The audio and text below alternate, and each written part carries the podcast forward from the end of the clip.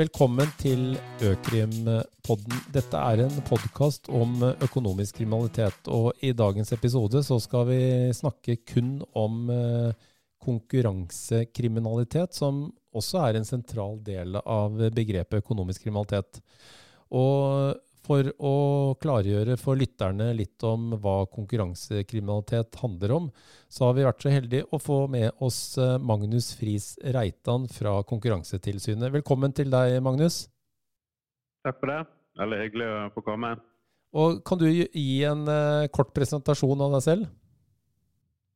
Eh, det kan jeg. Jeg er samfunnsøkonom. Som du sier, jeg jobber i Konkurransetilsynet. Der har jeg vært siden 2009 nå. Eh, og eh, Der jobber jeg i noe som heter økonomisk eh, fagstab, som jobber på, på tvers av saker med generelle økonomiske spørsmål. Mm. Og Hva vil du si er Konkurransetilsynets hovedoppgaver? Eh, altså, um, Utgangspunktet for konkurransepolitikken og Konkurransetilsynet er jo er konkurranseloven. Den legger eh, grunnlaget for egentlig hele konkurransepolitikken. Og eh, den fikk sin eh, moderne form i 2004 og er harmonisert med tilsvarende regler i andre EU-land og i, i, EU som sådan.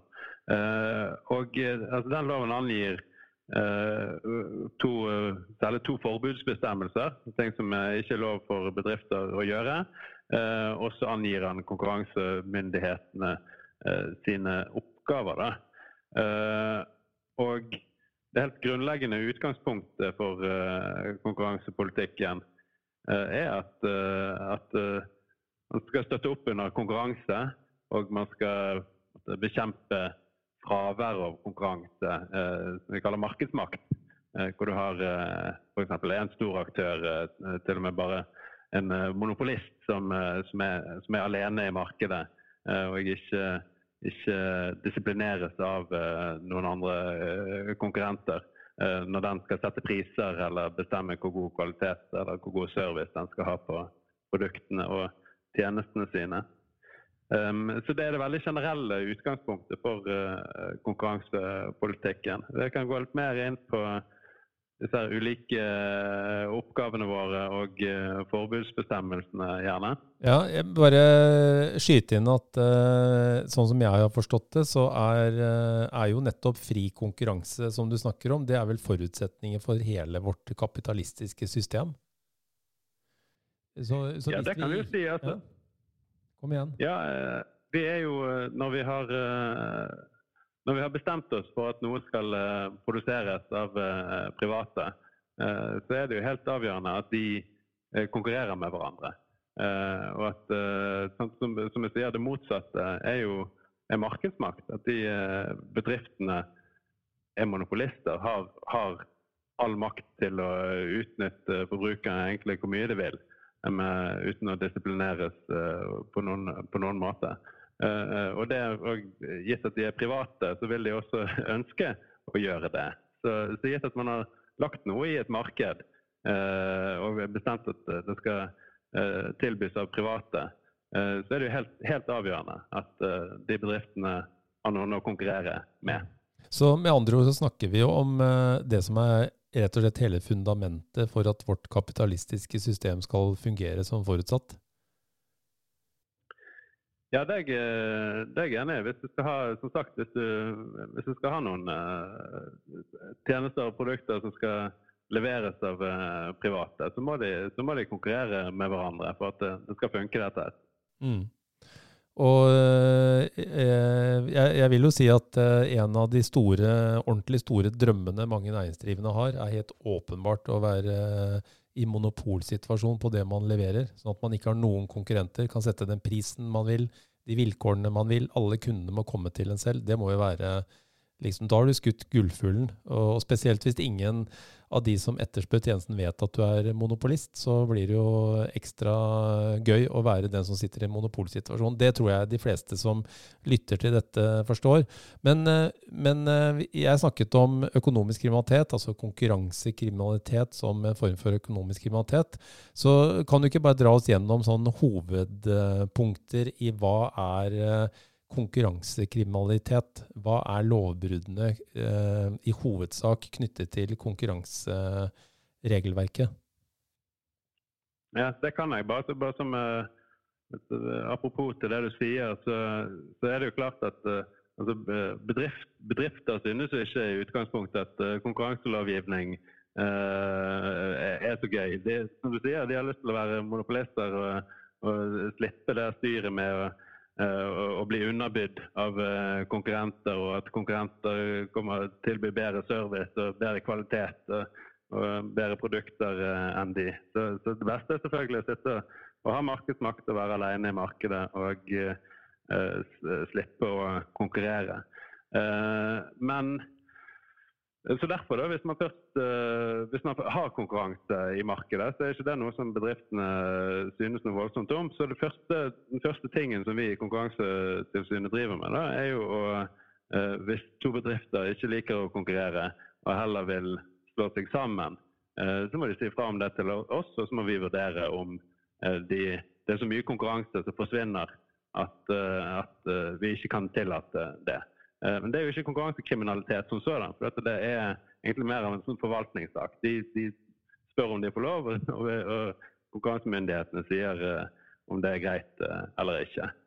Um, men så for å komme over til disse forbudsbestemmelsene, da, det som du kan kalle for konkurransekriminalitet, så har du altså Hvis du sier at to bedrifter som konkurrerer med hverandre og ikke synes noe om det vet godt at de ikke kommer til å få lov til å slå seg sammen. Eh, så kan de heller bli enige på bakrommet om at de eh, skal la være å konkurrere med hverandre. Eh, F.eks. bli enige om å slutte å underby hverandre, heller sette en avtalt høy pris. Eller bli enige om å dele markeder mellom seg, sånn at du tar, du tar Oslo og eter Asker og Bærum, eller hvordan, hvordan man vil dele dele det mellom seg geografisk eller kunde eller anbud. Og på den måten bare bli enige om å la være å, å konkurrere. Mm. Uh, det er, altså Man kaller det jo kartellvirksomhet, og det er, det er forbudt. Uh, mm. Det er en av de to viktige forbudsbestemmelsene i, i konkurranseloven, mm. med forbundet mot uh, ulovlig samarbeid. Ja, og Det er konkurranselovens paragraf 10 vi snakker om da. Uh, og når, når, du snakker om at uh, konkurrerende virksomheter gjør avtaler med hverandre på bakrommet og deler markedet og setter, blir enige om hvilke priser de skal sette osv. for å få totalt sett en høyere pris. Jeg vil tro at den type avtaler du snakker om nå, det er jo ikke avtaler dere i Konkurransetilsynet finner når dere er på tilsynsbesøk. Det er jo ikke sånne type avtaler som er skrevet uh, på papiret nødvendigvis. Det er vel mer snakk om muntlige avtaler og avtaler som eh, partene vet er ulovlig å inngå, sånn at de ikke har nedfelt dette i, eh, i, dokumenter. Noe som gjør det veldig vanskelig å avdekke den form for ulovlig samarbeid som du snakker om nå. Stemmer det? Ja, absolutt. Uh, altså, men du har jo et helt spekter selvfølgelig fra, fra avtaler som, som konkurrenter og bedrifter selv mener at bør være lov etter paragraf 10, og som, som, de har, eh, som, de har, skrevet med god hjelp av advokater osv. Og, eh, og, eh, og avtaler som kun er muntlige, og, eller som er skrevet på Post-It-lapper med håndskrift osv. Så, så, så altså, de som inngår avtaler eksplisitt om ikke å konkurrere, f.eks. Altså rene karteller Eh, vil jo prøve å skjule det de holder på med. Eh, og Derfor har eh, Konkurransetilsynet også med ganske vide hjemler for å drive etterforskning og dra på uanmeldte bevissikringer og, og ta forklaringer fra Eh, fra enkeltpersoner eh, osv. Så, mm, så dere kan faktisk eh, troppe opp i bedriften og bryte dere vei og gjennomføre ransaking, altså til dels det som mange forbinder med politioppgaver, for å sikre disse bevisene for ulovlig samarbeid som vi snakker om nå? Ja, det kan vi. Etter en kjennelse fra, fra en tingrett, så, så, kan vi, så, kan vi, gjøre det. Og det er jo nettopp fordi at det er, det, det skjøre bevis som, som selskapene vil, vil, ha lyst til å gjemme unna hvis de får, hvis de får tid til det. Men særlig de, de alvorlige kartellsakene som vi, som vi snakker om her. Mm. Så det vi snakker om nå er jo ulovlig samarbeid, altså det som fremgår av konkurranselovens paragraf 10. Men det er også andre former for eh, konkurransekriminalitet, er det ikke det? Jo, du har i hvert fall én stor uh, annen uh, kategori uh, som heter misbruk av dominerende stilling. og Hvis vi måtte ta det tilbake til de hovedoppgavene til, som Konkurransetilsynet holder på med, da, så når vi snakket om fusjonskontrollen, når to konkurrerende bedrifter har lyst til å stå seg sammen, og forbudet mot ulovlig samarbeid, når du også har to konkurrerende bedrifter i utgangspunktet som, som avtaler å slutte å konkurrere, eh, så i denne tredje kategorien her, da, eh, misbruk av dominerende stilling, så har du en situasjon hvor du, eh, en bedrift allerede har markedsmakt. Så det er gjerne ikke så mye konkurranse i markedet. F.eks. du har en monopolist, rett og slett. Den eneste Eh, tilbyderen i et marked. Eh, og den eh, tar grep for å hindre at det kommer ny konkurranse inn i markedet. Så sånn som, sånn som du var inne på, så, så, er det en fin situasjon å være den eneste i et marked. Men, og det, det, det, gjør at du gjerne at du tjener mye penger, og det har du lyst til å fortsette med. Så hvis det er noen som står på trappene og truer med å komme inn og begynne å, å lage brysom konkurranse for deg i markedet, så, så vil du gjerne ta grep for å unngå at det skjer. Um, og Utgangspunktet er at det, det, er jo, det, er lov til å være dominerende. Det er ikke forbudt uh, i seg selv, men det er visse grenser for uh, hva man kan gjøre av grep for å nettopp hindre at det kommer nye konkurrenter inn i markedet, eller skvise ut små utfordrere som prøver å få fotfeste i markedet. Og sånne ting dominerende selskap kan finne på, da er jo f.eks. Å, å dumpe prisene med, til eh, under kostnader når det kommer små konkurrenter inn i markedet. Og holder de lave på det nivået til, eh, til eh, de små konkurrentene har gått konkurs og forsvunnet ut av markedet, og så kan man sette opp igjen prisene. Det er en, det er en form for uh, misbruk av dominerende stilling. Mm. Det kan også skje gjennom ulike typer avtaler, men, men sånn som du Sånn som du hører her, så, så, kan det også være helt sånn ensidige handlinger. Eh, misbruk av dominerende stilling, sånn som at de bare dumper prisene. En av de eh, formene for konkurranselovbrudd som jeg ønsker å ta opp og snakke litt om, har eh, sammenheng med en pandemisituasjon hvor folk flest er mer enn middels opptatt av eh, legemidler, og kanskje legemiddelindustrien som sådan.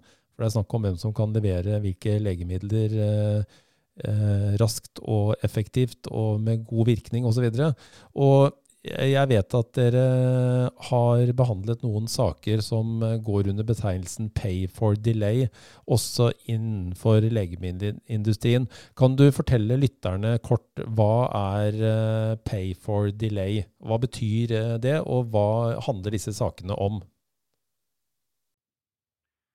Altså, som du sier, så er det eh, Særlig i Europa og i USA så har det det siste tiåret vært en del sånne pay for delay-saker i legemiddelmarkedene.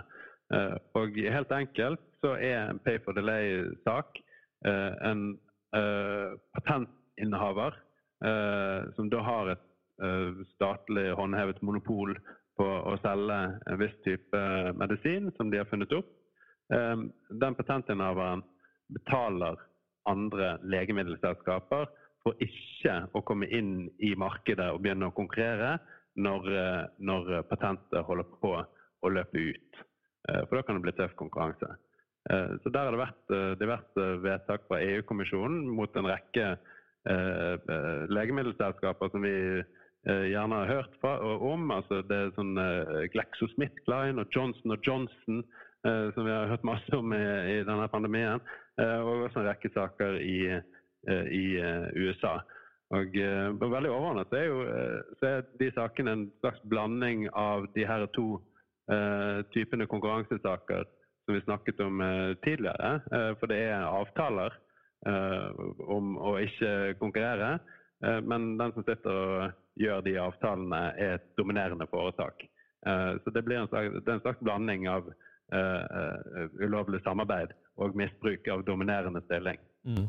Eh, interessant. Eh, og for de som eh, lytter på dette, og som er en del av næringslivet, og som er vant til å sende fakturaer eh, for noe, og så få betalt for noe, så er det mange som lurer på hvordan sender man en faktura for pay for delay? Altså hvordan sender du faktura til konkurrentene, eh, eller motsatt vei? Du mottar en faktura fra konkurrentene hvor de skal ha betalt et visst beløp for å ikke konkurrere med deg. Jeg tipper at det er ikke det som står i fakturaen. Kan du si litt om hvordan disse betalingene skjer? Altså Er dette betalinger som konkurrenter eh, krever for å ikke konkurrere med den dominerende aktøren, eh, hvor de får eh, cash? Får de penger på konto i skatteparadis? Altså litt om hvordan, hvordan skjer dette? Vet vi noe om det? Altså, helt konkret hvordan uh, de gjør det med banken sin, i nettbanken og hva det måtte være, det, det vet ikke jeg uh, så mye om. Men formelt så, så, starter mange av disse sakene med en, nettopp en patentdisputt, hvor man er uenig om rekkevidden av det opprinnelige patentet, eller som i noen av sakene prosesspatenter, med, altså hvordan man fremstiller disse, disse legemidlene. Og da eh, også ender den patentdisputten med et forlik eh, der, eh, der eh, patentinnehaveren betaler eh, de generiske, eller potensielle generiske konkurrentene for ikke å komme inn i markedet eller å utsette inntreden i, i markedet. Og Så blir det jo da et spørsmål i saken om hva var dette egentlig? Var det et, var det et uskyldig forlik i en, eh, i en grei kommersiell eh, tvist, eller eh, er det en kartellavtale hvor man blir enige om å ikke konkurrere med hverandre? Jeg skal ikke gå nærmere inn på det, men vi har jo i vårt naboland Danmark hatt en sak om pay for delay, etter det jeg vet. Kan du kort fortelle hva den saken dreier seg om? Ja, det gjelder, det, gjelder det danske legemiddelfirmaet Lundbeck. Der kom det en sak nå i, siste, i mars i år eh, fra øverste eh, instans i EU-domstolen. Um, altså Lundbeck er et stort uh, dansk legemiddelselskap, og de har spesialisert seg på psykiatriske og nevrologiske medisiner. og På 70-tallet så fant Klaus Bøgesø i Lundbeck og hans team de fant opp Citalopram, som er et antidepressivt stoff, som ble en kjempesuksess. Eh, og Det fikk de patenter på rundt om i ulike land i Europa og verden. Eh, og det siste patentet eh, her i Europa i hvert fall gikk ut i 2003. Så derfor, i 2002, så avtalte Lundbekk med fire konkurrenter som sto på trappene og ville lage generiske varianter av Citalopram, at de skulle, de skulle forsinke sin inntrend eh, i markedet. Eh, og Lundberg kjøpte også opp eh, lagre med ferdigproduserte generiske medisiner og, og ødela disse. Um, for de, skulle, de, ville ha, de, ville utsette uh, konkurransen som skulle komme om, om å selge Citalopram. Uh, og det, det, det, fremgår det òg fra interne dokumenter. Uh, vi snakket om er dette, hva, hva er bakgrunnen for dette? Er det uskyldige forliksavtaler, eller er det, er det planer om å, å, begrense konkurransen? Og, eh, og, I interne dokumenter her så snakker man om å, om å danne en klubb av si, Lundbekk og generikaprodusentene. Uh, og at man hadde en pile of cash som skulle fordeles mellom deltakerne i denne klubben. Eh, så dette skjedde som sagt, altså det er jo lenge siden. Det skjedde i 2002. Eh, eh, den danske konkurransetilsynet sa ifra om dette til EU-kommisjonen i 2003. Og så var det noe prosess i EU-kommisjonen, sånn at de startet sak først i 2009. Og så kom det et vedtak i 2013, og nå kom det altså endelig dom i 2021. Så her har det gått noen år. Men der ble altså, der ble altså dommen, nei, boten på eh, bl.a. 94 millioner euro til Lundbekk den ble stadfestet. Eh, med andre ord lang saksbehandlingstid, som vi også er vant til fra større økonomiske straffesaker. Eh, kan du si litt om eh, hva risikerer foretak som bryter konkurranselovens regler? Nå har du nettopp vist til vårt naboland hvor en aktør fikk en kraftig bot fra EU. Men, men hva er liksom reaksjonsmønsteret for brudd på konkurranselovens bestemmelser? Altså, i, kort fortalt så kan man jo risikere å komme i fengsel. Eh, det, er, det, er, det kan følge personstraff av overtredelse av bruddet på, mot konkurransebegrensende samarbeid. Så det, det kan skje i hvert instans. Og typisk så vil jo saker som dette innebære en etterforskning fra konkurransemyndighetene, enten i Norge eller eller fra EU-kommisjonen, eller fra ESA for den saks skyld. Um, og også ender også selskapet typisk opp med store bøter, som er en sånn størrelsesorden at uh, det ikke skal lønne seg å, å, holde på med den typen konkurransekriminalitet. De har jo, de har sett at bøtene, bøtenivået både i Europa og i Norge har, har økt de siste årene for at det skal være nok av en avskrekkelse til å måtte gjøre, eh, drive med den type konkurransekriminalitet. Mm. Takk. Jeg, jeg, tror vi nærmer oss da en eh, avrunding og, og, slutten på denne episoden om konkurransekriminalitet. Eh, Magnus Friis Reitan fra Konkurransetilsynet, du har gitt oss en utrolig grei og enkel oversikt over konkurransereglene og konkurransekriminalitet, og særlig om dette med pay for delay som et eksempel som mange tror jeg tar med seg og må tenke, tenke, litt på, og kanskje søke litt på nettet og finne noe mer informasjon om. Uh, jeg takker så mye for at du stilte opp.